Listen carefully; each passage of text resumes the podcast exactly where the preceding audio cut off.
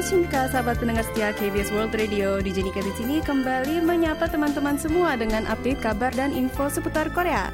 Sama seperti minggu lalu berhubung kita sudah memasuki minggu-minggu terakhir tahun, info yang akan kita bahas ini akan merangkum tahun 2021 Korea. Mana aja sih tempat favorit warga Korea untuk wisata selama tahun 2021 dan seperti apa sih kebiasaan membaca warga Korea selama tahun ini? Di akhir program kita juga akan memperkenalkan satu grup musik unik yang memadukan antara musik hip hop dengan musik pemakaman kerajaan. Wah, bikin penasaran ya? Jangan ke mana-mana, tetap di ICE. Annyeonghaseyo, inilah Soul.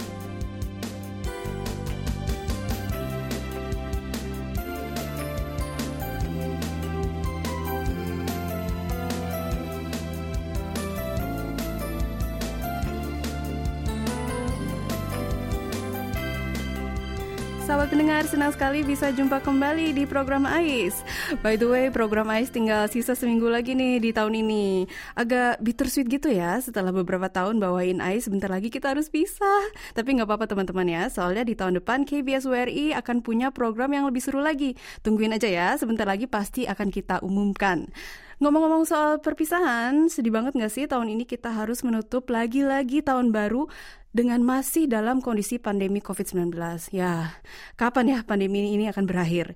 Saya yakin teman-teman di rumah juga sama jenuh dan lelahnya dengan saya menunggu kapan kita bisa menjalani kehidupan sehari-hari tanpa rasa takut lagi, tanpa harus pakai masker ke mana-mana, dan tanpa harus menerima SMS peringatan COVID dari pemerintah setiap beberapa jam sekali dalam sehari, ya kan? Nah, info pertama hari ini juga tentang SMS peringatan COVID.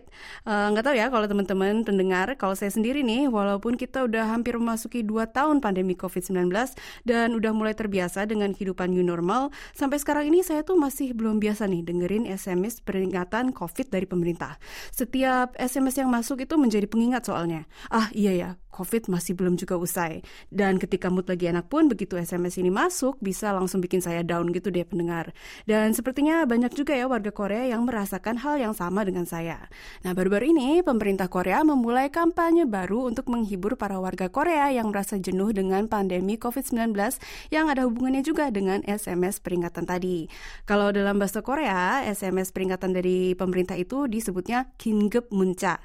Nama kampanye ini adalah Kingep Maem Munca, yaitu SMS peringatan tapi peringatannya adalah kata-kata penyemangat dari hati kita atau Maem dalam bahasa Koreanya. Dalam kampanye ini kita bisa mengirimkan SMS untuk memberikan semangat kepada sahabat, keluarga, tetangga ataupun rekan-rekan kita lainnya. Dan nanti SMS yang akan kita kirimkan itu akan didisplay di layar-layar billboard LED di sekitar stasiun Samsung. Iya teman-teman, bukan hanya satu layar aja nih, tapi beberapa layar sekaligus. Stasiun Samsung atau yang sekarang ini lebih dikenal sebagai K-pop Square terletak di area metropolitan Gangnam dan hampir setiap gedung yang berdiri di sekitar stasiun ini dihiasi oleh layar LED. Kalau SMS peringatan COVID dari pemerintah bikin kita merasa down, SMS peringatan dari hati ini bermaksud memberikan efek kebaikannya, yaitu memberikan dukungan kepada kita agar kita bisa melalui hari-hari yang sulit ini dengan bersemangat. Event pengumpulan SMS-nya sudah dimulai nih dari tanggal 1 Desember dan berakhir hari ini tanggal 22 Desember melalui SNS seperti situs resmi, Instagram dan juga Facebook. SMS yang diterima akan dihias dengan grafik yang cantik lalu didisplay mulai tanggal 27 Desember nanti. Dari para pengirim, 10 orang yang beruntung juga akan mendapatkan voucher sebesar 100 ribu won yang bisa dipakai buat belanja atau enggak jalan-jalan. Ya ya teman-teman, di masa seperti ini nih pasti kita butuh ya penyemangat dalam bentuk apa pun juga. Saya membayangkan warga yang lewat K-pop Square nanti entah mereka lagi jalan kaki atau naik bus atau naik mobil atau baru keluar dari stasiun subway dan harus pakai baju tebal di musim dingin ditambah lagi harus pakai masker ya. Pasti sumpek banget kan ya? Nah, terus tiba-tiba lihat layar LED yang berisi pesan-pesan hangat dari sesama warga lainnya. Pasti akan membuat kita merasa lebih positif ya, sekaligus mengingatkan kalau kita nggak melalui pandemi ini sendirian.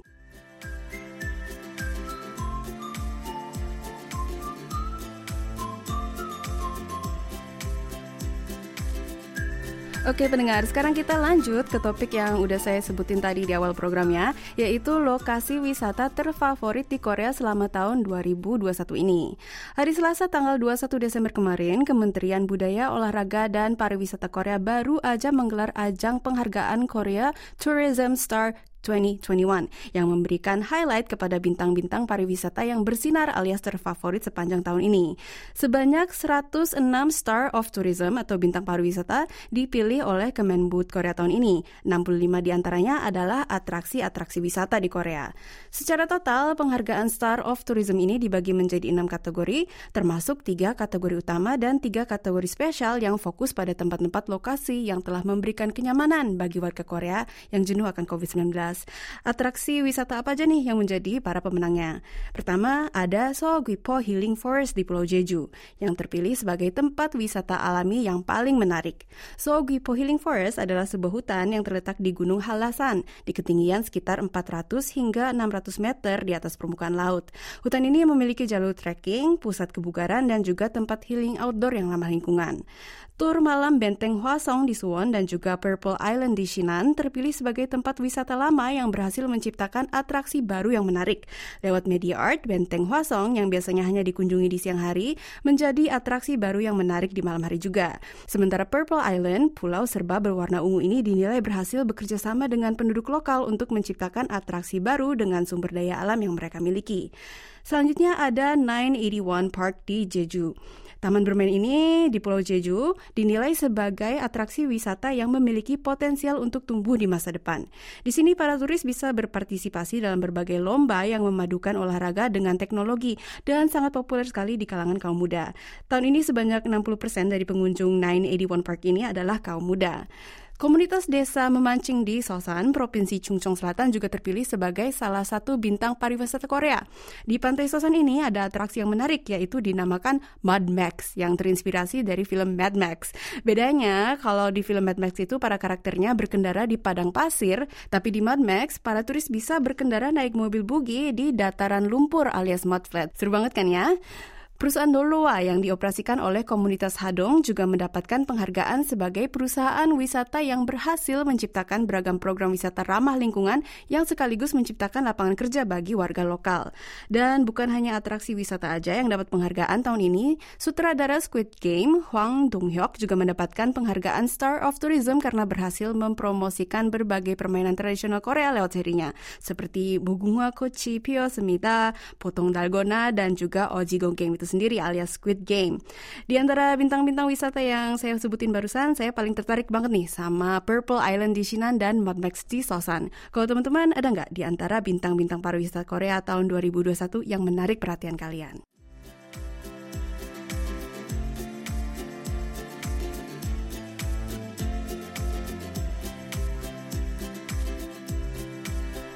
Seperti yang udah dibahas di AI sebelumnya ya, akhir tahun adalah waktunya berbagai institut di Korea mengumumkan hasil dari data-data yang mereka peroleh tentang kebiasaan atau tren warga Korea selama satu tahun ini. Salah satu data yang akan saya bahas selanjutnya adalah kebiasaan membaca warga Korea selama tahun 2001 yang dikumpulkan lagi-lagi oleh Kementerian Kebudayaan, Olahraga, dan Pariwisata Korea melalui survei.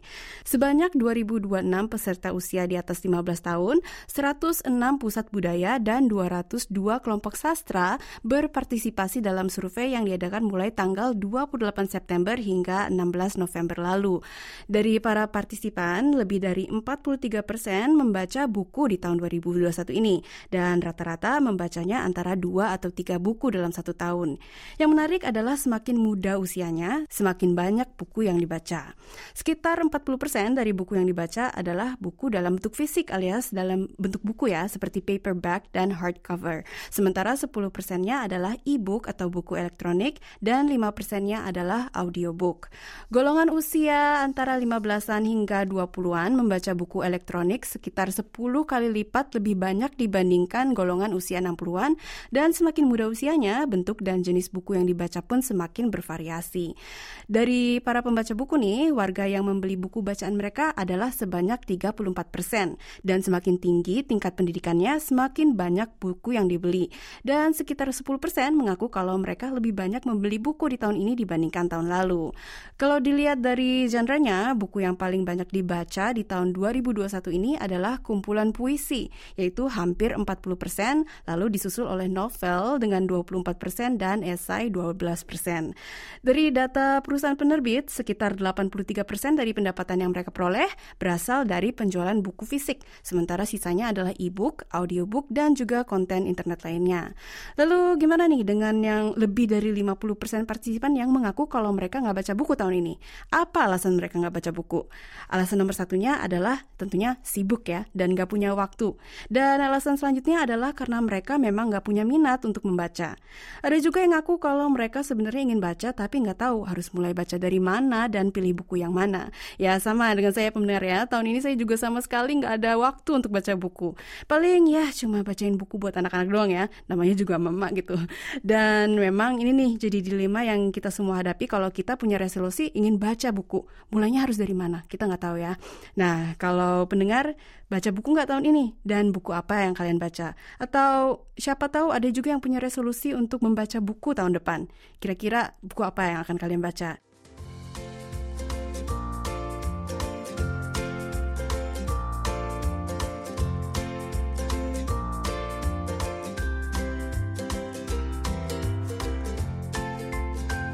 Pendengar kita semua udah tahu ya kalau TV zaman sekarang ini beda banget dengan TV zaman dulu.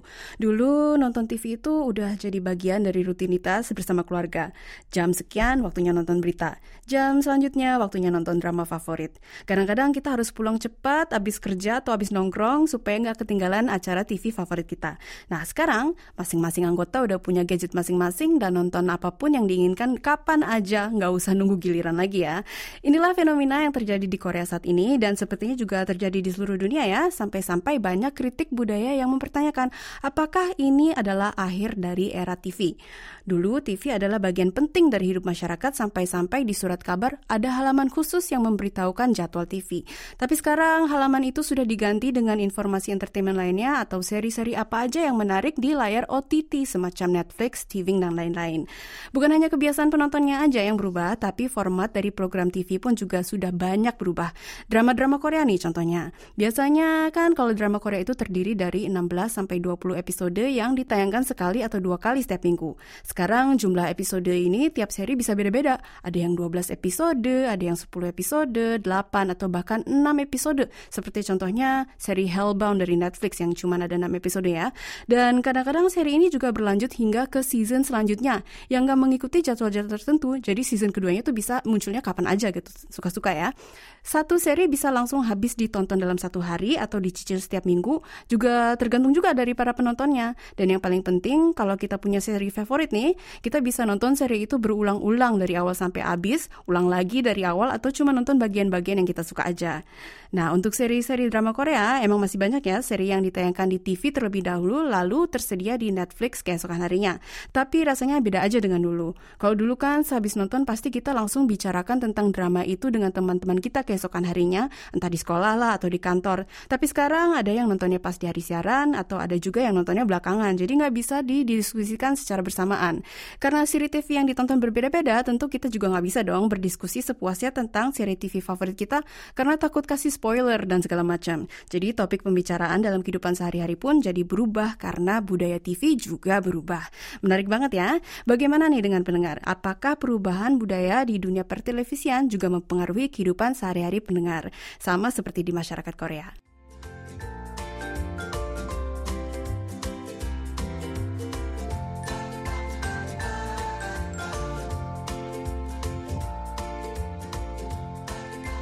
Untuk info terakhir, saya ingin memperkenalkan sebuah grup musik dua cewek yang sangat unik bernama Hepari. Kalau Hepari itu bahasa Indonesia adalah ubur-ubur.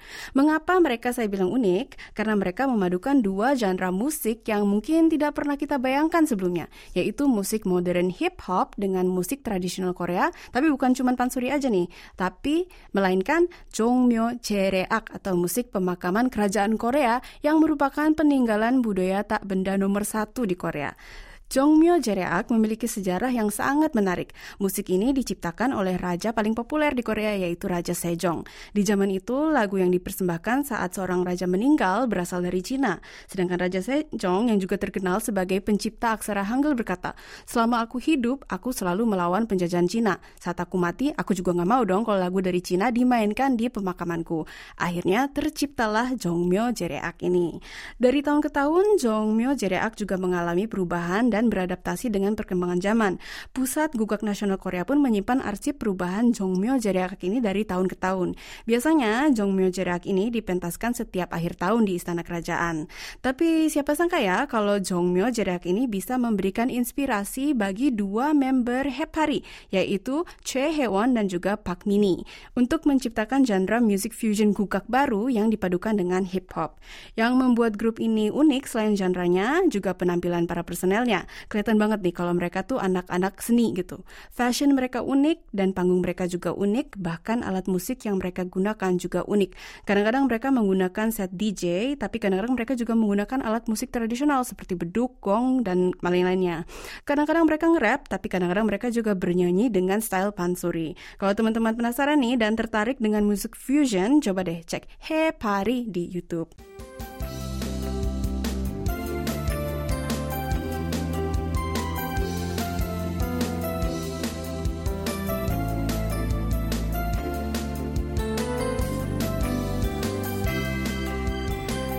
Sekali-sekali juga nih muterin lagu gugak di AIS. Tapi sayangnya ya pendengar sekarang udah waktunya saya untuk pamitan. Semoga program ini bisa menghibur pendengar sekaligus menambah pengetahuan tentang Korea. Terima kasih atas kebersamaan hari ini. Saya Nikita Gusari undur diri. Deito Hamkeo